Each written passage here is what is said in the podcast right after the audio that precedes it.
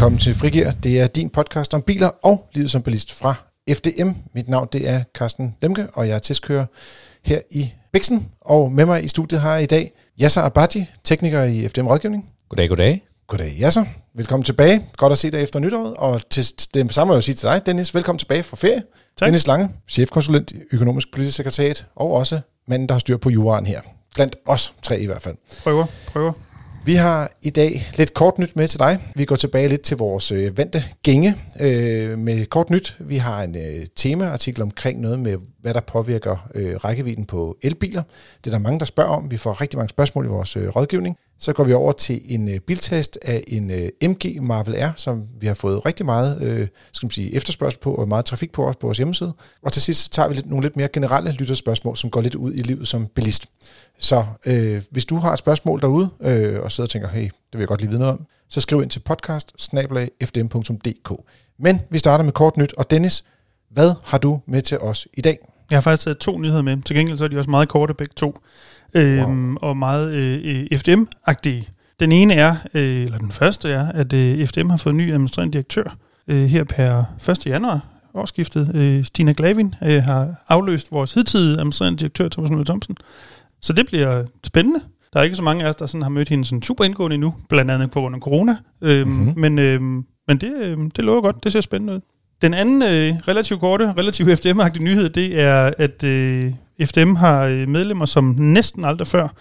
Øh, ved øh, udgangen af 2021, eller ved indgangen til 2022, om I vil, der var medlemstallet op på 269.000 husstande. Det er faktisk det, øh, det højeste tal siden engang i 70'erne, hvor, mm. hvor, den, hvor medlemsrekorden var, der, som ligger en lille smule højt til 78.000, tror jeg det var.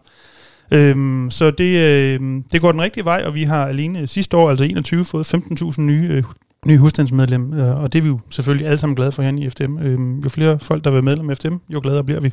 Forhåbentlig er der også jo flere lyder med til podcasten. Så, Præcis. Ja. Og man kan sige, for i 2017 var, var der 235.000 medlemmer, og det er jo så steget til 200 og ja, næsten 270.000. Ja, præcis. Yes. Ja, så hvad har du oplevet her siden, øh, ja, hvad, siden jul eller nytår? Jamen, øh, jeg har ikke oplevet så meget, men, men jeg har en nyhed med, som, ja. som, som måske er interessant for, for nogle af lytterne. Og det er øh, Euro NCAPs øh, øh, sikreste biler i 2021 test. Der er øh, testet en del biler i 2021. Samlet set var der 33 biler, der blev testet, og 22 af de 33 biler har fået 5 stjerner. Og det er, det er super flot og det øh, peger i den rigtige retning. Syv af bilerne har ikke fået så mange stjerner, fire stjerner, og så er der nogle af dem, som ligger og skraver bunden. Øh, og dem har vi jo omtalt før her ja. i, uh, i podcasten. Inklusive, jeg kan ikke huske, om det var en eller to på nul. Ja, ja. det er præcis. Mm. Øh, så det er rigtig godt at se, at uh, sikkerheden går i den rigtige retning, og uh, hvis man vil vide lidt mere om, hvilke biler, der klarer sig godt i de forskellige klasser, så har vi en artikel om det inde på vores hjemmeside. Yes, og dem, der fik 0, det var Renault Zoe, og så er der en, en Dacia Sandero, der kun fik to stjerner, og en Dacia Spring, deres elbil, der kun fik en stjerne. Så det er ligesom de der Renault Dacia-biler, vi talte om for et par afsnit siden, der ligesom mm. klarer sig dårligst. Og det var faktisk også nogle af dem, der blev testet sidst på året, de her. Ja. I hvert fald de elektriske biler blev testet eller gentestet. Jeg har en øh, artikel øh, med denne uge omkring øh, brugtbilsalget. I sidste uge, der havde jeg jo en gæst herinde, det var en af vores kolleger, der hedder Elias, hvor vi talte om salget af nye biler, men øh, der blev sjovt nok også solgt øh, brugte biler i Danmark. Oh. Ja, det var overraskende. så øh, det faldt øh, en lille bit smule ifølge Bilstatistiks opgørelse over øh, bilsalget herhjemme, og, øh, men det var 2%, så det var virkelig stort set ingenting, og, og det handler også meget om det her med om, at skaffe biler til øh, skal man sige, kunderne derude. Øh, man kan mærke, øh, når man spørger bilforhandlerne, nu kommer jeg jo sådan løbende ud hos forhandlerne med, med køb brugt med motorartikken, hvor jeg prøver at hjælpe vores øh, medlemmer med at finde deres kommende brugte bil, at de klager over, at de ikke kan få fat på biler. Og, øh, og, det er en, og, og når folk går ud og kigger på biler, så siger de, åh, nu fandt jeg lige den her et eller andet Skoda Fabia Stationcar, som de gerne vil have. Og så øh, tager det, de har måske fundet det i deres frokostpause, når nogen, der søger efter biler der. Og så kommer de ind øh, og skal vise det til konen om aftenen, eller til manden om aftenen, og så er bilen væk, for den er solgt. Så der er virkelig run på de biler, der er derude. Men det hænger vel, jeg tror faktisk, I snakker om det i sidste uge, der er Ilias også, mm. øh, men det hænger vel også sammen med, at det kan være svært at købe en ny bil, og det man så er presset på brugtbilsmarkedet, det er større. Det er større. Og man kan også sige, at øh, der bliver også solgt ret mange øh, elbiler og plug-in hybrider også øh, på, på brugtbilsiden, og dermed kan man sige, at øh, de brugte biler, de kommer til at være en del af den her omstilling til elektrificering i Danmark. Især fordi, at der bliver købt store, store mængder af næsten nye elbiler med statstilskud fra andre lande øh, hjem til Danmark, og de bliver så importeret hertil. Og øh, hvad hvad det, jeg talte med Jan Lang fra, fra Bilbasen, øh, han, de, han er også han er en markedsanalytiker derovre, og han sagde, at, at øh, der har været øh, 380.000 øh, brugte elbiler, der blev solgt mellem landene i 2021, men i år, altså 2022, der forventer de, at det overstiger 1 million. altså af, af biler, der er næsten nye, og som bliver handlet mellem landene brugt. Ja, ja. Så altså, der, øh, alle de her tilskudsordninger, øh, og han sagde, der var op mod 17 lande, der kom med tilskudsordninger, der minder om det, de har i Tyskland i Europa hvor det er, man kan hive nogle, skal man sige, nogle fornuftige biler med hjem. Man, man kunne forestille sig, at der er måske nogle regeringer rundt omkring, som begynder at tænke over, om det er den rigtige måde at øh, fremme elbilen på. Hvis, altså, men det er I, i Danmark give, er det. Altså, øh, I Tyskland giver de ja, en masse penge, så præcis. vi kan få nogle bil elbiler i Danmark.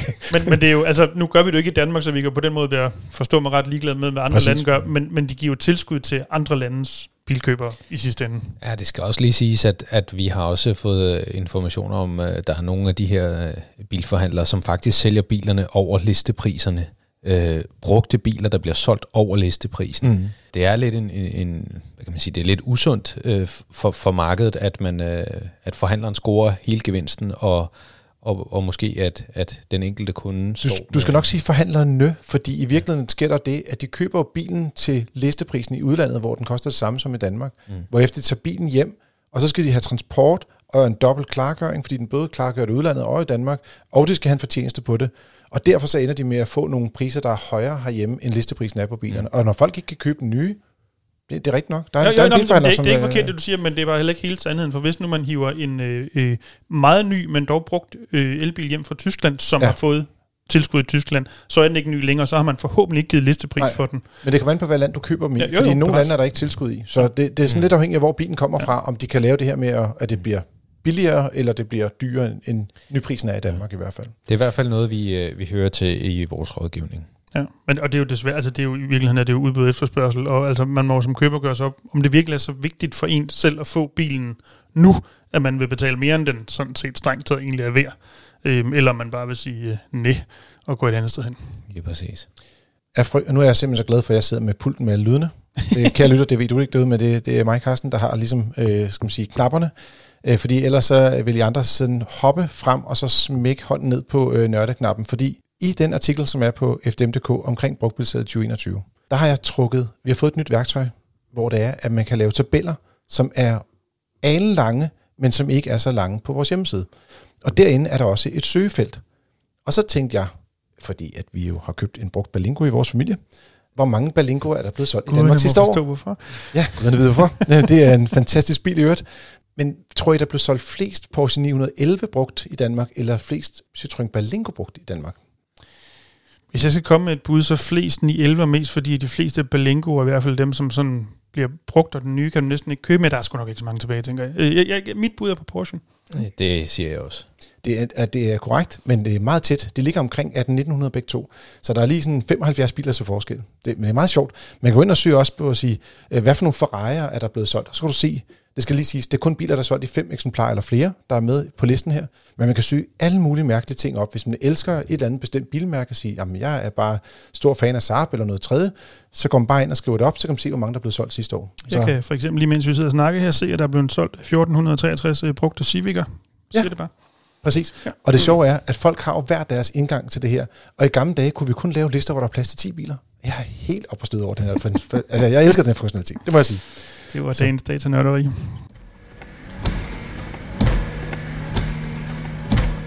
Og dermed har du fået en lille breaker på vej til vores tema. Vi skifter spor. Øh, vi skal over og tale lidt omkring syv ting, der trækker ned i elbilens rækkevidde. Det er også en artikel, der ligger på vores hjemmeside, og man kan også læse den, hvis man har motor nummer 9 på side 34 og 35.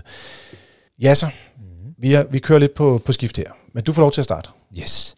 Jamen en af de ting, som, øh, som kan trække ned på, på bilens rækkevidde, det er jo øh, den kontakt, man har med vejbanen via dækkene. Når, når man producerer et dæk, så kan et dæk have flere forskellige øh, hvad kan man sige, funktioner. Øh, et dæk kan være meget øh, sikkerhedsmæssigt øh, stærkt og kan håndtere sne for eksempel. Et andet dæk kan være meget hårdt øh, og kan køre øh, under undergå så en langt per opladning eller per liter. Øh, og det er en af de ting, som man ligesom kan, kan gøre for, at elbilen kan køre langt, det er øh, at vælge nogle dæk, som er mere øh, øh, hvad kan man sige, de kan være hårdere i, mm-hmm. i Mhm. strukturen, og de kan være lidt mere... Øh, De har bare mindre modstand. ja, altså rullemodstand... Princippet, princippet griber rullemodstand- de også lidt mindre fast i asfalten, ikke? Jo, Så, så. altså ru- rullemodstanden skal være god, øh, og, og dermed så kan man så, øh, så kan man komme længere per kilowatt-time. Udover det, så, så i forbindelse med dæk, så er der jo også mange af de her aluminiumsfælge, som, som også er særligt udformet, øh, som især øh, ændrer på turbulensen omkring hjulene, øh, og det kan man så også kigge på, hvis man øh, vil have lidt flere kilometer ud af kilowatt-timen. Så er der øh, til sidst også dæktrykket. Og det er på rigtig mange biler, så er det muligt faktisk at se dæktrykket og hvordan det ser ud. mm. Øh, og om vinteren, så kan, så kan trykket falde, og det kan man så lige øh, gå ud og, og kontrollere sit dæktryk især. Man kan godt gøre det, at man kører med, jeg tror, man plejer at sige sådan 0,2 bar ekstra hele året. Der, der, nogle gange kan det godt sive en lille smule, men det gør så komforten bliver lidt dårligere, men man får også lidt mere rækkevidde på det. Mm. Jeg vil også sige, nu tænker man lidt, åh, skal vi sidde her med elbiler igen? Det er da helt utroligt. Men faktisk, de fleste af de her ting gælder faktisk også for benzin- og dieselbiler. Der er jo ikke nogen, altså sådan noget som dæktryk, eller om du har et dæk, der har meget lidt mod- rullemodstand, Mm. Same, same. Og det gælder også for det næste punkt. Øh, det er øh, din kørsel, har vi kaldt det. Og det er, at jo hurtigere du kører, jo mere øh, energi bruger man. Og er det korrekt? Jo, jo, jamen, det, jeg, min, min grimasse var en, yeah, Ja, Ja. yeah. det, det, har vi aldrig, det, har vi, det har vi aldrig hørt før. jo, det har vi. så, øh, men det er sådan, at øh, på en benzin-dieselbil og eller en elbil, så øger man simpelthen energiforbruget med cirka 20%, når du løfter hastigheden fra 110 til 130 km i Og derfor, hvis man skal køre langt, så kan der være en fordel i at, at nøjes med at køre 110 km i hvis man gerne vil strække sin, sin, øh, skal man sige, øh, sin rækkevidde så, så meget som muligt. Men der er også en anden ting, det er det her med at, at være forudseende i trafikken og undgå at bremse, øh, skal man sige, uden nogen grund. Fordi selvom bilerne de opsamler lidt energi, det man kalder regenerering, øh, når man bremser, så bruger man faktisk mere energi på at komme op igen til samme fart. Så det vil aldrig kunne svare sig at bremse ned for at accelerere op igen. Altså det får man ikke, altså, du vinder ikke noget på det. Mm. Og det er ikke engang et nulsumspil. Du kommer til at tabe på det. Så jo, jo, jo mere jævnt man kan køre, og jo tidligere man kan gå af gassen, så man stille og roligt samler energien op, og man, altså, det gælder om at højt, holde den højeste gennemsnitsfart, så at sige, øh, og selvfølgelig inden for fartgrænserne herhjemme. Det er blandt andet de ting, hvis man øh, deltager i sådan et øh, kørt grønt kursus, som jeg faktisk ikke husker, om vi lige aktuelt har det, men vi har flere gange haft i FDM-regi på vores øh, to ringe. Øh, det er en af de ting, man lærer også, mm. også for at spare benzin og diesel. Jo mere jævnt du kører, jo mindre brændstof bruger du. Mm. Man kan sige, at nogle gange så kommer man op mod en lastbil for eksempel. Du kører 110 km i timen, eller 130. Og så der er nogen, de kører sådan helt hen til de næsten, altså kan røre ved, øh, skal man sige, nummerpladen på mm. lastbilen, og så trykker de på bremsen. Det er ikke den rigtige måde at gøre det på. Nej. Så, men hvis du gør det, du går ned til for eksempel 100 km i timen, eller 90 km i timen, eller 95 km i timen, langt udefra, så kan du faktisk holde den fart lige indtil du kommer hen til lastbilen, og så passer det med, at altså man skal så time det med, at lastbilen kan komme ind igen, og du kan køre videre. Fordi så slipper du for at komme ned på 80 km i timen. Og, og det gør en forskel. Og det gør, at du kommer til at køre længere på literen. Ja. Plus at du ikke bruger det, den, skal man sige, den, den store mængde brændstof med høj hastighed hele vejen hen mod skal man sige, lastbilen og bremser. Det er så lidt det samme, hvis nu du går hen mod det lys og skifter til rødt. Lad os sige, der er en, hvad, en 300-400 meter hen, og du kan se, det bliver rødt. Mm. I stedet for så at holde din hastighed, og så, jeg vil lige sige, bremse sidste øjeblik. Hvis du slipper speederen allerede der, og lader øh, hastigheden langsomt glide af, så vinder du også ved det. Og lige her, der, der er det faktisk, altså på elbilerne inde i byen, så der betyder regenerering faktisk helt vildt meget. Og der kan det godt betale sig at gå over i de her, øh, hvad skal man sige, og, og ligesom at arbejde med det her, øh, at, at hvis der er rødt lys, at man sørger for at lade bilen samle energi op på vej hen mod mm. lyskrydset. Øh, ja, det, det er i hvert fald øh, vigtigt at have fokus på.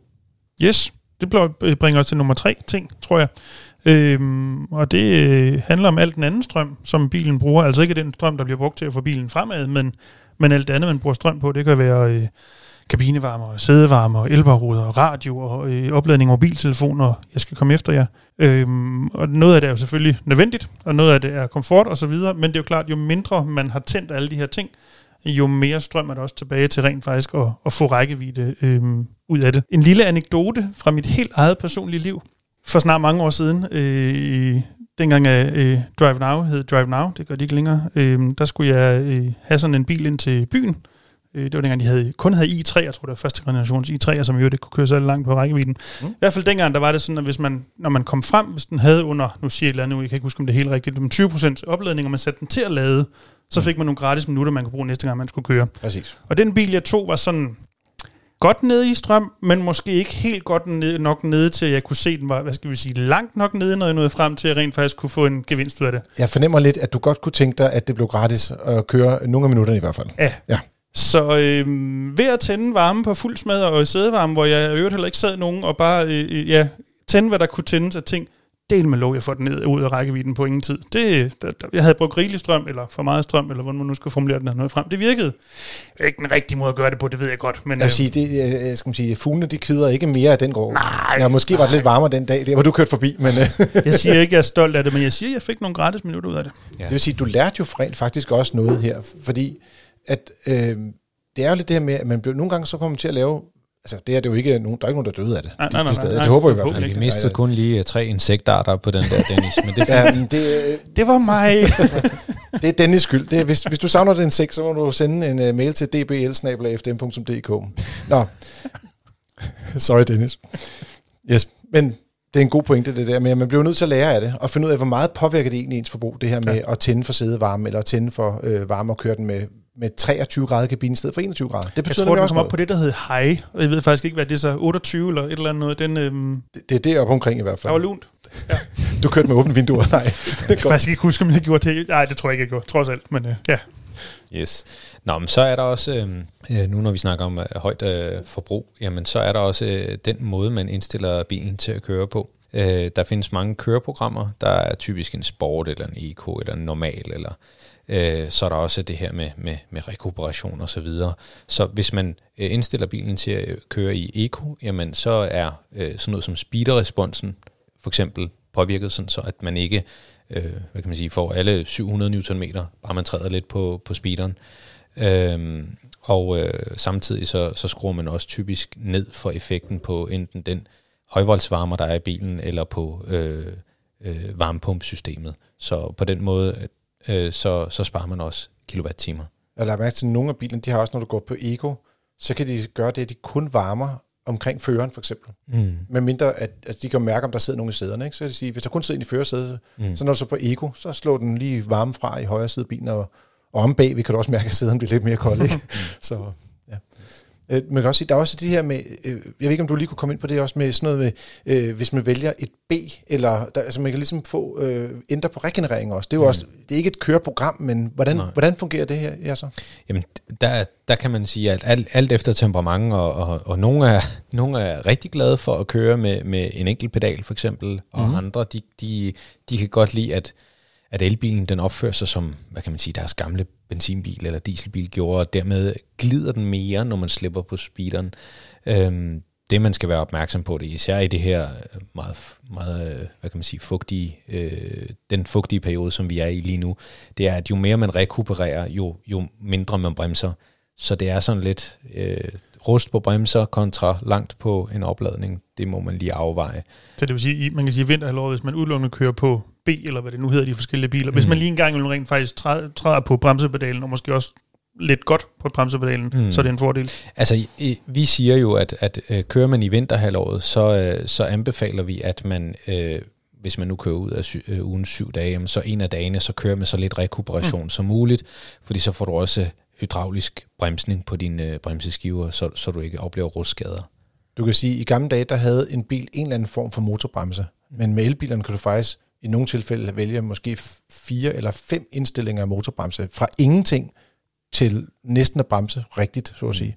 Og så det her, med, du siger med, at de kan regenerere. Jeg så, at øh, Mercedes, de har også sådan, øh, helt ekstremt meget, de kan regenerere. Men der skal du så også, som jeg forstår det, bruge bremsen lidt for at få, få den sidste effekt. Jeg tror, det er op til 300 kW, den kan regenerere med ja. igennem øh, elmotoren. Ikke? Mm. Og det er jo meget før, at den skal tage over og bruge de her rigtig fysiske bremser, mm. som jo har et, et hårdt liv i Danmark. Ikke? Det skal lige siges, at, at det her, det har jo selvfølgelig også noget at gøre med, hvad, hvor, hvor varmt batteriet er. Du kan ikke rekuperere med 300 kW for eksempel, når batteriet er op på 99% state of charge. Altså, Nej. så ryger strømmen jo ikke. Altså, så er der ikke nogen steder at, at sende strømmen hen. Spanden er fuld, så Lige sige. præcis, og, mm. og når det er koldt, så, så vil batteriet heller ikke tage imod så meget strøm. Så, så der er mange aspekter i det, men, men, øh, men det er i hvert fald noget, man kan tænke over for ligesom at holde, holde længere liv i bremserne.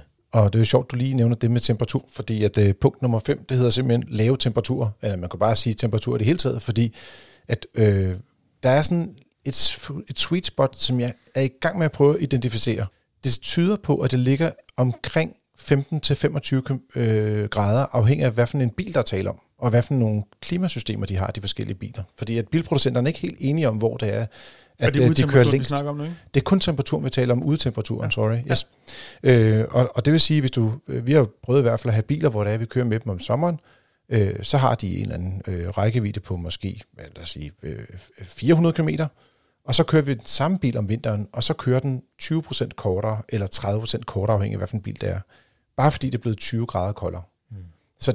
Det er jo sådan lidt afhængigt af, altså der er mange ting, der påvirker det i det tilfælde, men temperaturen har en påvirkning. Og det samme, hvis det bliver for varmt, så kan det også godt øh, være, at, at bilen skal bruge klimaanlægget for at køle kabinen ned, og det koster også strøm. Så hvis det er sådan 35 grader varmt, en virkelig varm sommerdag, så er det heller ikke en fordel. Men mindre man selvfølgelig er typen, der kører sydeuropæisk, ruller vinduerne ned og slukker for klimaanlægget. Men hvis man, man, man gør det modsat, du man, man fyrer helt op for klimaanlægget, fuld power på varmen, ruller vinduerne ned, så noget af den varme øh, luft kommer ud rundt omkring bilen, så er der ikke så koldt lige omkring bilen. Det må hjælpe, eller hvad? Øh, ja, det kan man gøre, øh, når bilen holder stille. Eksempelvis. Øh, måske ikke lige med åbent vinduer, men i hvert fald det her med at... Ja, nu der for at få, få udendørstemperaturen op. Ja, jeg ved det godt. Ja, jamen det, det, det virker kun på en, en share now, men nu hedder det drive now i dag, så går det ikke længere. Nej, men jeg vil sige, øh, Pierre til side, øh, hvis du forvarmer kabinen, og nogle gange kan batterierne også forvarmes lidt, fordi at hvis batterierne er kolde, kan de også koste lidt på, på rækkevidden. Og at bilen står til opladning, skal du lige huske. Så kan du også forlænge din rækkevidde, fordi det, bilen er varm i kabinen, det, det koster lidt at, at varme kabinen op, når den er helt kold. Og det kan, hvis, hvis bilen står til opladning, så har du en fordel ved, at du så kan strække din rækkevidde på den altså, måde. Altså du tager den energi fra elnettet og ikke fra batteriet. Ja, ja, men du kommer stadig til at bruge, altså det kommer til at koste penge. Altså du kommer, det, det, det er jo gratis at varme øh, en, en kabine op. Jeg, jeg målte lige på en bil her forleden dag. Det kostede 2 kWh og, og, og, og skal man sige, at varme kabinen et kvarter ved 0 grader. Og det svarer til, det koster 4 kroner. Altså bare for at sige det. det men, men det hjælper så på rækkevidden. Så kører den længere på en opladning. Yes. Lidt øh, om, om uden, øh, hvad hedder sådan noget, udværet også. Øh, vindmodstanden mm. har absolut også en øh, påvirkning på, hvor langt at øh, elbilen, og i øvrigt også øh, benzin- og dieselbiler, kan, kan køre på en opladning eller en optankning. Og især den unødvendige vindmodstand. Øh, man ser jo mange gange, øh, især omkring ferieperioderne, at folk for eksempel lidt vel tidligt har fået monteret deres tagboks, eller for den sags skyld har den siddet en måned efter, de sådan set er kommet hjem sydfra, fordi man har ikke lige fået den pillet af. Øhm, er det ikke bare, fordi de enten træner, eller bare blevet så glade for at have den? det kan godt være, det lukket, man synes, der ja, er helt vildt fedt. Jeg ved det, det rykker lidt. Men i hvert fald, altså tagboks og tagbøjler og cykelholder og hvad man nu måtte have, det er jo noget, der forringer bilens vindmodstand, øhm, og dermed får den svært ved at skære sig igennem luften, mm. og dermed skal den bruge mere energi på at komme frem. På en elbil vil det så for eksempel betyde, at rækkevidden også bliver kortere. Mm. Så når man ikke bruger for eksempel tagboksen, så får den pillet af. Øhm, det hjælper også på det. Der var en Mercedes-tekniker, som sagde i forbindelse med deres nye, de har lanceret sådan en elbil, konceptbil, der kan køre 1000 km, at 60% af, skal man sige, af det, der koster noget i forhold til rækkevidde, det er, det er luftmodstand. 60 procent af det, det var, det, var, det var simpelthen vindmodstand, der gjorde forskel. Og de har jo lavet sådan en bil, som er konceptbil, der har virkelig lav vindmodstand. Ikke? Så sjovt nok, sagde de, det var meget vigtigt. men men, det, men ja. det giver i hvert fald en indikation af, at det, at det er ret vigtigt, det der med tagbokse, eller cykelbøjler, eller cy- cykelholder, eller hvad man nu har gjort ja, med. Ja. Og så for den så skyld jo også noget, som måske mere sådan, hvad skal vi sige, hverdagslavpraktisk, som, som åbne vinduer eller åbent soltag, øhm, især afhængig af, hvad hastighed man så kører med, gør altså også en forskel. Især ved de, ved de højere hastigheder, der kan åbne vinduer gøre ret meget ved, ved, ved rækkevidden eller energiforbruget. Øhm, man kan sige, ved de helt lave byvehastigheder, tror jeg ikke, det gør den helt store forskel, trods alt. Især Men, hvis man samtidig øh, har skruet helt op for varme for... ikke, jeg, skulle Dennis. Aldrig, jeg skulle aldrig have fortalt den historie. Ej, ja, den, den, øh, den er vi glade ved. Nå, men luftmodstand, det var, det var det, der var pointen i det hele i hvert fald. Jeg tænker, ja, så skal vi dele den sidste. Her der er et syvende punkt også, der handler omkring og noget med at vælge øh, den forkerte rute. Jeg tænker lidt, ja, nogle gange så har jeg opdaget, at øh, de her øh, testbiler, øh, Øh, så, så tænker man, når, hvis man skal til Jyllandsringen, og nu man kommer omkring Skanderborg, så den nemmeste det er bare at tage motorvejen. Men, men det vil elbilerne aldrig.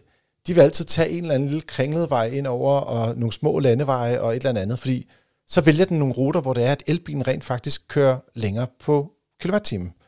Så, så, og, og jeg vil sige, hvis man er i sådan en situation, hvor det er, man står lidt og tæller på øh, decimaler med 10-20 km, men måske er tilbage på rækkevidden, når man kommer frem, så kan det godt svare sig at tage et stræk på en landevej, i stedet for øh, ja, at køre motorvej. Alternativt at køre langsommere på motorvej, men det er bare ikke altid så rart. Mm. Eller særlig fedt for alle andre, for den sags skyld. Nej, det er det. Altså det, jeg kan jo ikke finde vej nogen steder uden for Storkøbenhavn, så, så, så jeg bruger altid navigationen. Fuck især. Valby Bakke, hvad gør jeg nu? Ja, det er præcis. Højre, venstre, okay, lige ud. Så, så jeg, jeg bruger navigationen flittigt, når jeg øh, ikke er vant af steder, lad mig sige det sådan. Det synes jeg... Det er ingen skammer ved at geografisk udfordret. Ja, men det er jeg i hvert fald, og, og jeg kan aldrig huske, hvad vejene hedder, så, så det er de der pejlemærker, jeg sætter. Jamen, det er den fjerde 7-Eleven til højre og sådan noget. Det er sådan, jeg finder vej. Beklager. Man kan også sige, at øh, nogle gange så øh, kan man være heldig at vælge nogle alternative ruter, hvor man kan undgå for eksempel at holde i kø, og øh, nu er køkørsel jo lav hastighed og normalt, men det, det kan være lidt irriterende, men man bruger rent faktisk også lidt mere energi på det. Øh, om ikke andet kommer man i hvert fald noget hurtigere frem, hvis man undgår at sidde i kø. Så det kan også være en, en fordel med at gå ud og så vælge en, en landevej, i stedet for at holde stille på en motorvej, og så få et, et, et bedre forbrug, og så komme lidt hurtigere frem i hvert fald. Det var et, et syvende tip herfra. Det gælder som sagt især for elbiler, men også mange af dem her kan du bruge i din benzin- eller dieselbil i dag. Og så er det tid til at åbne motorhjelmen og kigge på ugens biltest. Det er en MG Marvel R. Superhelten, næsten. Superhelten fra Kina. Den er en mellemstor elektrisk SUV. Øh, det er alene en elbil, og det er den anden elbil, som MG øh, ligesom har lanceret. I gamle dage var MG jo et øh, kendt var det Morris Garage, det tror jeg, det stod for. Øh, det var i hvert fald... Det giver øh, mening. Jeg ved, det, det, det lyder rigtigt, ikke? Ja, jo. Øh, eller, og hvis det er eller forkert, Morris så Green du, kan det også være. Så, øh, hvis, så, det, hvis det er forkert, har du 48 mails i din indbakke i morgen. Ja, og en af dem er fra Peter Clausen. Så øh, det glæder mig til, øh, vores kollegaer, som laver Motor Classic. Nå, men MG, de er i dag købt op af et øh, kinesisk konglomerat, og bliver kun bygget derude. Og de har en model, der hedder ZS øh, EV, og nu også MG Marvel R. Vi har haft en testbil inde. Det er topmodellen, der hedder Marvel R Performance, og det vil sige, at den har tre elmotorer og firehjulstræk, og den har 288 heste, går 0 til 100 under 5 sekunder, kører 200 km i på toppen, og så koster den 390.000 kroner. Det er også en slags penge. Det er nemlig også en slags penge, fordi de har også en basismodel kun med øh, tohjulstræk og, og 180 hestekræfter, som nok vil øh, ramme øh, mere rigtigt på de fleste mennesker. Den har en lidt længere rækkevidde, så siger den går lige lige godt 400 km på en opladning, men den er kun 30.000 kroner billigere. Og der tror jeg simpelthen folk, de ikke er, altså, de er nok ikke nære nok til at spare 30.000 kroner for at få en bil, der er så markant langsommere, eller øh, Ja, det er ikke. Altså hvis, hvis man kan sige, hvis speksen og ikke mindst udstyrsniveauet var det samme, så ville jeg droppe fjolstrækket, hvis det var mig. Men jeg er helt det er, med på, det, er det, det der er nogen, ja. der ikke vil. Ja, der er lidt forskel på nogle udstyrsdetaljer på dem, hvis man skal sige det på den måde. Ja, Men ja. Øh, ellers, øh, der, er vist noget med, at øh, i den her version, så er der for eksempel ikke en front i, når Nå. den er med fjolstræk, fordi de jo også har noget teknik, der skal ligge om foran der. Ja, der er blandt en hel motor mere, der skal være plads til, kan jeg regne ud. Ja, og så sidder jeg og tænker på det, og det er en foran og to bagved, ikke også? Jo, ja, så nu, den har en, du, en du, enkelt. du nørdede der. Ja, jeg fik, øh, jeg fik uh, talt med MG's tekniske ansvarlige for noget tid siden, mm. uh, og han fortalte mig, at der var to motorer på på den bagerste del af drivlinjen, og så en enkelt hop foran, og så alt efter, hvordan man kører, jamen så, så øh, og i forhold til energien og, og så videre, så, så vil man så bruge øh, for den forreste elmotor eller den bagerste. Der er faktisk også en gearkasse på bagaksen, så den har to gear. Så, ja, den er, den er sådan ret teknisk avanceret i, i, i den version, kan man sige. Altså, ja. det, det, det er på den måde meget teknik, du får for 30.000 kroner i virkeligheden. Ikke? Det må man sige.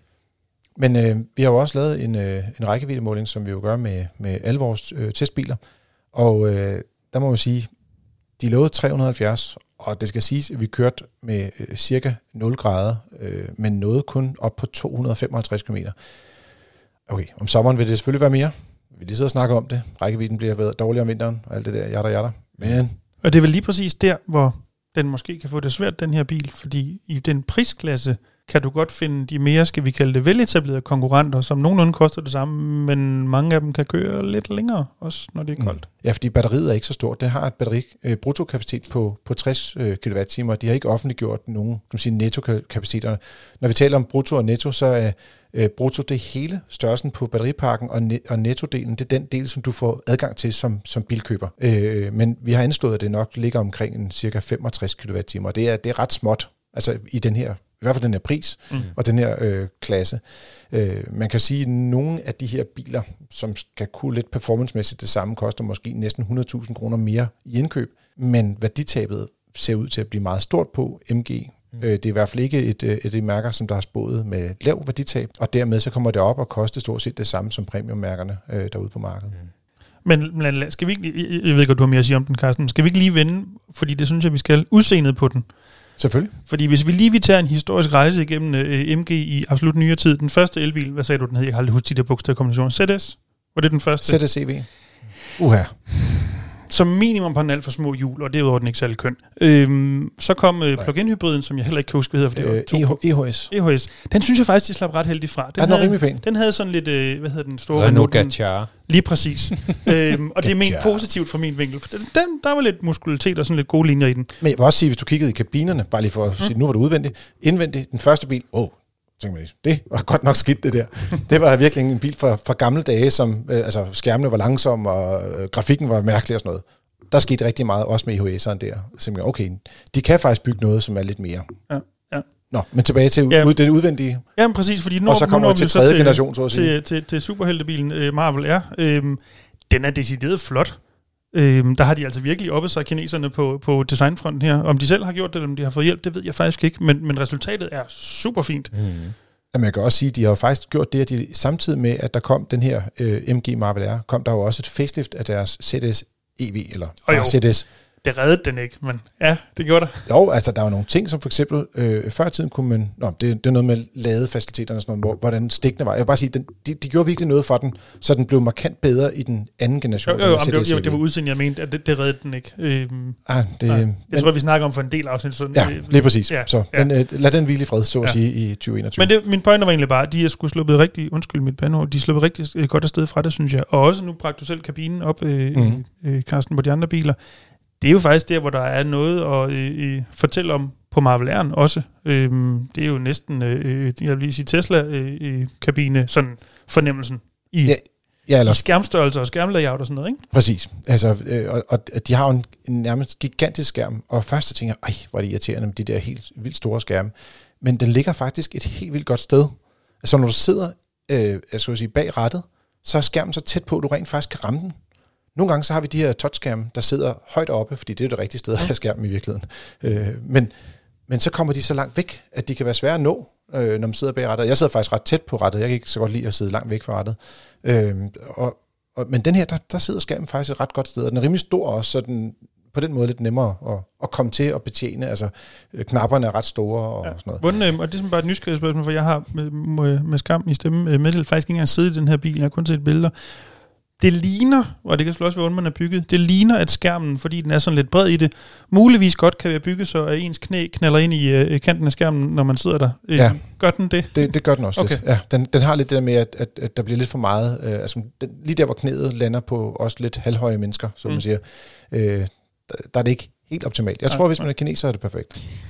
Og altså, hvis du er 1,65 meter, så kommer du aldrig til at ramme den der kant. Men hvis, når du er 1,85 meter, så gør du. Ja, okay. 86. Ja. Sorry. Det skal man måske lige... Det er en af de der... Prøv nu at sidde i bilen, inden du køber den tilfælde, ikke? Lige præcis. Det er det i den grad. Og jeg vil sige, en, en ting, når vi nu lige nævner deres øh, skal man sige, skærm, så er det ikke alting, der er oversat til dansk, fordi det er på danske tekster, sådan at man helt kan forstå, hvad det er, det de egentlig mener. Så der kunne man måske godt Er det sådan noget Google Translate-agtigt et eller andet? Det, det tror jeg. Ja. det, det minder om det. En, jeg tror, en kinesisk udgave af Google Translate, der har fået lov til at lege med den. Ej, det er ikke helt uforståeligt, men det, men det er ikke Altså, det kunne være lavet øh, smartere, tror jeg, med, med, med skal man sige, en almindelig dansk tolk. Mm. Øh, og så har de faktisk en ret god gearvælger. Det er, øh, en af mine absolutte favorit gearvælger, det er Kia øh, på elbilerne, hvor det er, når du trykker ned på en drejeknap, så går den i P, og hvis du drejer til venstre, går den i reverse, og til højre går den i drive. Altså til venstre bakker du, og til højre så kører du lige frem. Og i midten så er der en neutral funktion, men den bruger man jo mm. nærmest aldrig. Men det er sådan noget, som du kan bare finde i mørke, og det er super nemt at betjene, og når du skal lave sådan nogle 3 eller 4 eller 8 punktsvendinger, så er det nemt at bare frem tilbage, frem tilbage, frem tilbage. Så Næsten kører det som Mercedes. Næsten. Det skulle da... Okay, ja. det går jo lige op for mig nu, når jeg sidder og nærstuderer billederne af kabinen, at den der store, øh, dejlige, let tilgængelige volumenknap, der sidder under skærmen, det er jo ikke volumenknappen, det er gearvælgeren. Det er gearvælgeren, ja. ja. Ja, præcis. Ja, den, den har ikke en volumenknap desværre på den konto, øh, som, øh, men, men er så glad ved. Det er jo også noget, vi normalt godt kan lide. Men er, er, det, er, det, er det så en god bil, Carsten? Altså samlet set? Nej, men altså, jeg synes, den, altså, vi har givet den fire stjerner ud af, ud af seks. Så det vil sige, den, den ender jo sådan på... på i, i, vi har jo typisk sådan, hvis, folk er, øh, hvis bilerne er OK, så får de tre eller fire stjerner. Og så hvis de øh, sådan, bare sådan OK, OK, så er det tre, og hvis det er OK, ah, er alligevel lidt spændende, det, her. Det er OK, og det her. Ja, det er, en, ja. Øh, det er OK plus skalaen, så, så er det fire stjerner, ikke? Mm. Og så fem og seks stjerner, så begynder det at blive enten gode OK, eller verdensklasse, ikke? Ja, ja, så er det virkelig, så er det fantastiske biler, ikke? Yes. Men der er den ikke helt oppe, og, og det er især det her med øh, økonomien, altså den kommer til at koste over 4 kroner per, øh, per kilometer, man kører i bilen, som, altså, der kan du, der kan du få en, en bedre bil til samme øh, total økonomi. Mm. Og det, det koster på den. Og så synes jeg også en anden ting, øh, det er bagagerummet. Det er på øh, 360 liter i rundetal. Og det er altså ikke særlig stort, når man kigger på, på bilens størrelse. Der havde man forventet at få måske, øh, altså i hvert fald over 400 liter, og helst gerne over 500 liter også, ikke? Mm. I, i den her klasse, vil jeg sige, og også til den her pris. Til øh, gengæld, og det synes jeg lige, vi skal nævne, når nu det er FDM's podcast, det her, så er der syv års garanti, eller 150.000 km, hvad end der måtte komme først. Ja. Øhm, det er trods alt ved at tage med øhm, i den samlede vurdering, ikke? Som stjålet ud af, øh, skal man sige, min talerrække. Ja, fordi jeg, jeg, vil, jeg vil faktisk, nej, men det, det, jeg synes, det er rigtig fedt, fordi det er jo netop, nu er du også jurist, så du har også lige øjet på den del af det, ikke? Øh, hvad er det, syv års garanti, det er også, gælder også lakken. Syv års lakgaranti, det er meget usædvanligt i Danmark. Ja, det plejer at være sådan noget tre år, typisk, ja, ikke? typisk tre, to år eller tre år, afhængig af bilprocent, og nogle har fem. Mm. Øh, hvad er det? Men, men, men syv år, det er meget usædvanligt. Øh, til gengæld så gælder de syv år også på batteriet, hvor vi jo typisk ser øh, 8 år 160.000 på de fleste bilmærker. Der er, den er så også 7 år 150.000 her. Der, mm. der, der har de ligesom sådan en ting, de holder fast i. Altså mm. bil, lak og batteri hedder 7 år 150.000, og så, øh, hvad skal man sige, gennemtagningsgarantien, den er så 7 år. Mm. Ja, den, det er ikke så langt. Yes, men øh, fire ud af seks stjerner, og som altid, øh, du kan både læse øh, testen af MG Marvel R øh, inde på motor.dk, eller øh, det er lidt nemmere for at finde vores biltest den vej, eller fdm.dk, hvis du godt kan lide at klikke lidt mere på nogle undermenuer. Og så der kan du læse om den, og du kan læse om alle konkurrenterne også. Yes, så er det tid til et sporskifte. Det sidste i dag. Vi har fat på et øh, lytterspørgsmål, eller faktisk to. Det første, det kommer fra Hans Jørgen fra Vejen, og øh, han øh, lytter øh, altid til vores øh, podcast, og er glad for, at, eller, glad, lytter spændt og venter på, hvad vi har ligesom på tapetet. Og i dag, Hans Jørgen, så har vi øh, dit spørgsmål med. Han ser en del øh, firmaer, som reklamerer med, øh, med det her, som man kan kalde øh, dampvask af biler, både indvendigt og udvendigt. Mm. Og han er typen, der bedst kan lide at vaske bilen selv, og så kunne godt tænke sig at finde ud af, om man ligesom kan gøre det selv, eller om man, vi har nogle erfaringer med det. Man kan sige generelt set, det her dampvask, det er noget, som skader bilen, ja så. Jeg tænker lidt, øh, vi går i dit ja. dit hjørne her. Ikke? Man kan sige, hvis, hvis ikke man ved, hvad man laver, ja, så kan man skade ganske meget, fordi damp er jo varmt.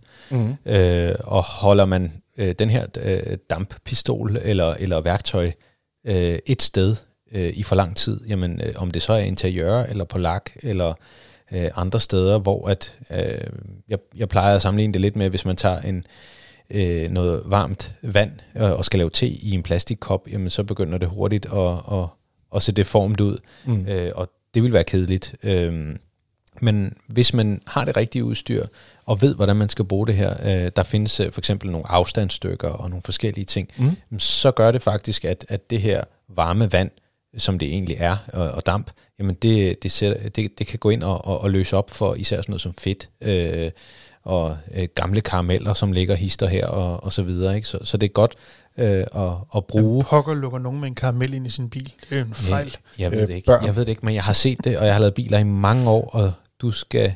Altså, du drømmer man, ikke om, hvad der er derinde. Det er det, man kan finde i, i, i biler. Det, altså, du drømmer ikke om, hvad folk de... Øh, de det kan også være rester af is. Eller andre ting. Altså, igen, det, det kan være pokker luk. Ja. Jamen, det er børn igen. ja, Dennis, men, det er, I'm sorry, det, ja. det, det er roden til alt ondt i her verden. Men så. en bil er ikke en restaurant, så, så lad være med at spise i bilen. Nej, det skal jeg ikke bestemme. Men, men øh, i hvert fald, så er, det, så er det i hvert fald godt, og øh, hvis man ved, men, hvad man men, laver. Men, men skal man sige, bagsædet er ikke en skraldespand. Det Nej. kan du godt sige. ja, lige præcis. Men, men, men hvis man ved, hvad man laver, så kan man jo godt øh, øh, gøre brug af det her. Men, men, men man skal også tænke på at investere i sådan en dampmaskine og, og det udstyr, der, der ligger til. Så spørgsmålet er, om man som privatperson får glæde af det her, øh, når man ikke er klargøringsmand. Har du, har du nogen fornemmelse af, øh, i, ja, det er jo snart mange år efter, har man jo købt damp, skal vi kalde det renser til sådan øh, husbrug øh, til forskellige mm. ting, øh, i, og i øvrigt forskellige prisklasser, størrelser osv. Ja. Kræver det noget særligt, hvad skal vi sige, tilbehør til sådan en almindelig Nej, det kræver egentlig bare, eller, eller det er sådan set det samme egentlig, koncept. Du kan godt købe, altså det, det er jo egentlig bare en stikkontakt, du skal mm. bruge, mm. og så øh, hælder du øh, vand og, og eventuelt rensevæske mm. i sådan en maskine, og så, så har du nogle forskellige, hvad kan man sige, tilslutninger, om du skal gøre det på øh, indvendigt i bilen, eller på karosseriet, eller hvor det nu er henne på bilen, så kan man så tilslutte nogle af de her forskellige mundstykker, kan man sige. Men jeg vil anbefale, at man øh, i hvert fald prøver sig forsigtigt frem, hvis man selv vil, vil prøve at slås med det her. Og ellers så skal man lade de professionelle, øh, som, som Steamwash, eller hvad de hedder derude, mm. om, at, om at gøre det. Og ellers så... Øh, så findes der jo rigtig mange produkter, man kan bruge uden brugen af damp, og få et, et rigtig fint resultat alligevel. Jeg skulle til at sige, jeg har, øh, vi har jo testet for mange år siden, og også, øh, jeg også på et tidspunkt forhandlet i vores, øh, vores lille fine øh, fdmshop.dk, et produkt, der hedder No Rinse, som er sådan et, en, en, en biltape, du kan bruge, uden at du skal bruge skal man sige, rindende vand. Og så du kan faktisk vaske en bil med cirka, jeg tror det er omkring sådan 20 liter vand, så kan du vaske en hel bil, og og der skal man sige, det er nemt at bruge, det er hurtigt at gå til, du kan vaske alle steder, du skal bare kunne have dit vand med hen til bilen, så at sige, øh, og, og så riser det ikke lakken. Og det er lidt sjovt, de her produkter, altså fra da jeg var dreng, hold da op, hvor har der været meget øh, dårlig øh, sæbe, øh, skal man sige, som man kunne bruge til at, at klargøre biler. Mm. Og i dag, der findes der et, et væld af forskellige øh, avancerede produkter, og man så vælger det her, øh, skal man sige, strøm, øh, skal man sige, ikke strøm, men jo også et strøm, men øh, steam-produkt, øh, skal man sige, med damp, eller man går i de her specielle øh, skal man sige, øh, shampooer. Der, der er mange måder ligesom at, at kunne kæle for det. Altså, det lyder som om, han er typen, der godt kan lide det. Altså, mm. Som slapper af ved det og, og har en glæde ved det. Og der, der kunne det også være at sige, hvis man har lyst til at nørde ned i at vaske bil, så kunne hun godt måske øh, entrere med nogle af dem, der er gode til damp, og så få nogle tips for dem. Mm. Altså det er en helt videnskab, og alle de her, øh, der findes rigtig mange dygtige klargøringsfirmaer, og, og alt fra, jamen det øh, rens og lakforsejling og alt mm. muligt. Mm. Altså det er jo en, det er en helt videnskab og, og, og hvad man kan lave med sådan nogle ting her. Og, og hvilke produkter der findes. Og der er ikke, hvad kan man sige, der er ikke en, en, et, et enkelt produkt, der er det bedste. Der findes mange forskellige. Det lyder som en grobund til en rigtig god, fin, tidskrævende dyr hobby. Det kan det godt Jamen, øh, så har vi en, øh, en lytter, der hedder Peter, som også øh, takker for en podcast, der har lidt en en kommentar til den gang, vi øh, øh, åbenbart har frarådt købet af en elbil til en, øh, en vestjysk øh, øh, bilkøber, som ville købe bil til omkring 200.000 kroner. Øh, og så siger han, havde vi ikke glemt det der med, at hvis man købte for nogle flere penge, så altså, man kunne rent faktisk købe en, en dyr elbil for det samme budget, som hvis du købte en benzinbil til 200.000 kroner. Øh, og, kunne han så ikke øh, bare købe en Hyundai Ioniq 5, øh, fordi den vil jo godt passe til de øh, behov, de havde i den familie. Og jeg husker det som, det var noget med antal børn, og de kørte i en øh, Renault Scenic, ikke også, som de ville købe. Ja, ikke kan nå, det er et stykke tid siden. 100, men, nå, ja. men, men, men øh, om ikke andet, Ioniq 5, det er da i hvert fald noget, der kan få jer to op af, af stolen. Nej, nu, nu, nu joker jeg lidt. Det var den, som vi kårede til den mest, øh, skal man sige, vores favoritbil i ja. vores podcast her i Mellem Jul Nytår. Og jeg tænker lidt, det, det er rigtigt, men nogle gange så ender folk også med at have det her, at de sætter et budget, fordi det er de penge, de sådan har i hånden, og så kan man ikke bare løfte. Og jeg husker det også lidt som, man skal sige, okay, måske var det ikke alt deres kørsel, som 100% kunne foregå elektrisk, uden at de sådan skulle ændre, øh, skal man sige, måde at have bil på endnu. Men øh, ja. Ja, for det, altså, det er jo rigtigt, som man kan sige, den underliggende pointe, som Peter har, at, som vi jo også selv har fortalt, at øh, hvis du kigger på de totale omkostninger, så mm. kan du øh, har du råd til en dyre elbil end en benzin- eller dieselbil, fordi at driftsomkostninger på elbilen er lavere, sådan meget kort fortalt. Øh, men som du også siger, Carsten, hvis nu man øh, i en situation, hvor man har en eller anden sum penge stående på banken, eller liggende hjemme med madrassen, og man sådan set ikke har tænkt sig at skulle ud og låne nogle flere, så er det jo i hvert fald en begrænsende faktor. Altså, øh, så, så er det der, den ligger ja, i virkeligheden, ikke? præcis. Lige præcis. Øh, så ja, yeah. Det kan som godt være, at øh, igen, jeg kan ikke huske detaljerne på det spørgsmål, vi havde på et eller andet tidspunkt omkring det her, men... Men, Nå, men, men det var mere det her med, om man ikke skulle huske at tage elbilen med, når mm. man har det her budget på 200.000. Og jeg vil sige, det nogle gange ja, og, og vi har også tidligere, har jeg selv kommet til at, at ødelægge lidt en... Jeg tror, der var en... Ja, der var noget med gang, vi havde nogle ret øh, faste regler, hvor du brød dem. Ja, ja. men sådan er det. det. Det får de med at sidde med alle knapperne herovre. Så øh, spørger han også øh, til et, en, et andet spørgsmål omkring det her med øh, at, at lægge øh, skal man sige, på, på lur, øh, eller bag i læ af større øh, lastbiler, for ligesom at, at komme til at køre øh, langt. Og han har øh, åbenbart øh, kørt med en Tesla øh, 85 DD Model S, øh, deres øh, første store bil, øh, hvor han kørte 583 km på en opladning. Og det er så dog med, hvor han har kørt med øh, bilens egen autopilot, øh, nok på den korteste afstand. Og så BMW tænker jeg lidt, hvad siger du? BMW-indstillingen. BMW. Eller at det kunne også være Audi, vil jeg sige. Ja, jo, øhm, så, men jeg tænker lidt, det giver jo altså god mening, men, men det kræver også, at man ligesom altså det, det er jo mere sådan et, et, et rekordforsøg, øh, altså medmindre man virkelig skal spare penge, altså man har købt en bil til sådan en halv eller en hel million kroner, og så bare gerne vil spare 20 øre ikke, på sådan en lang tur, øh, frem for at komme frem øh, sådan mere udvilet. Ikke? Ja, altså der er et par ting i det her. Hvis man virkelig skal slipstreame, altså det her, hvor du, hvor du udnytter den forankørende typisk lastbils, øh, skal vi sige, hul i luften. Ja. Øh, hvis du reelt skal gøre det, skal du altså ligge ret tæt mm. og som vi snakker om, da vi snakker om det sidst, nok også ulovligt tæt, ja. for at du rent faktisk får effekten. Nu længere du kommer væk, jo dårligere bliver effekten. Øh, på et eller andet tidspunkt, så er den der overhovedet ikke, og så er der muligvis et punkt midt imellem, hvor du faktisk rammer så meget øh, hvad hedder det, øh, turbulens, at du måske faktisk gør det værre. Øhm, og jeg tænker i hvert fald, hvis man har brugt sin autopilot, uden jeg lige kan huske, hvor tæt man kan komme på med en, en Tesla, så tror jeg udenbart, at du har været for langt væk til, at det giver mening. Og jeg sidder måske og tænker, at det kan også være det, man bare har kørt de der 80, 85, 87 mm at det er den, der har gjort, at man har fået en rigtig god rækkevidde ud af det. Det har i hvert fald helt sikkert også hjulpet kontra, hvis man har kørt 110, 120, 130. Det er der ikke nogen tvivl om. Ja. Øh, men, men det kan også godt, lidt afhængig af, skal man sige, hvordan aerodynamikken er. Ja, ja, men det, det er jo... Kan altså, der godt være en, en, en fordel. Ja, ja. Man kan sige, der i hvert fald set en del, i hvert fald for to-tre år siden, så man en del af de her Model S'er, som jo havde en typisk rækkevidde på omkring 300-330 km, når man kørte motorvej, som lå og sneglede med 90 øh, bag ved en lastbil, for, for simpelthen at strække den så meget som ja. muligt. Og det, og det har altså hjulpet dem her. Øh, han har så lavet et, et regnstykke, øh, og der vil jeg sige, det, og det er jo fordelen med at lave regnstykker øh, selv, det er, at man kan selv bestemme, hvad for, skal man sige, øh, hvilket øh, resultat, øh, ja, resultat man får ud af det et eller andet sted, fordi øh, hvordan, hvordan vurderer man øh, overgangen mellem benzin og, øh, og øh, skal man sige, øh, til strøm, ikke? Øh, han mente, han er brugt, eller kørt distancen med det, der svarer til 7,5 liter benzin, og dermed øh, øh, kørt noget med 77 øh, km på literen. Og, og jeg ved ikke, om det har noget at gøre med, hvad kostede det at købe øh, så og så meget benzin, kontra hvor meget han betalte for den strøm, han lavede, men det, det må være i den retning, ikke? Øh, så, så, men der er mange måder, man ligesom kan opgive det på. Jeg vil sige, det, der er mange, som virkelig har sådan glæde ved de her, øh, altså ved skiftet til, ja, de er glade for deres bil, uanset om det er en elbil eller noget andet, øh, vil sige, der er ikke nogen tvivl om, at, at den bil kan godt være rigtig effektiv, og mange af Teslas modeller er faktisk meget effektive på, på deres strøm. Mm. Så. Og så for, for at binde en meget, meget fin lille sløjfe, så er der jo stadig de der syv måder, man kan presse lidt ekstra rækkevidde ud af sin bil, som vi snakker om for 10 minutter siden, eller hvad det nu er. Yes. Ja. Jamen, det er ikke engang løgn. Og der kan Peter jo så lytte med, men det lyder næsten som om, at han har hørt uh, kunne de fleste af, af de tips i forvejen, hvis han kommer op på næsten 600 km med sådan en, en ældre Tesla-model. Så øh, tak for kommentaren der, og øh, ikke mindst også tak for spørgsmålet til Hans Jørgen også fra vejen. Du har lyttet til Frigær. Det er din podcast om biler og livet som bilist. Husk at give os nogle stjerner og gerne anbefale os til en ven, så vi kan vokse i fællesskab. Har du spørgsmål til podcasten, eller til, dig, til os, så kan du skrive til podcast Ja så, Dennis. Vi ses. Vi ses i næste uge. Ja, tak og til dig, kære lytter. Tak fordi du lyttede med, og god tur derude.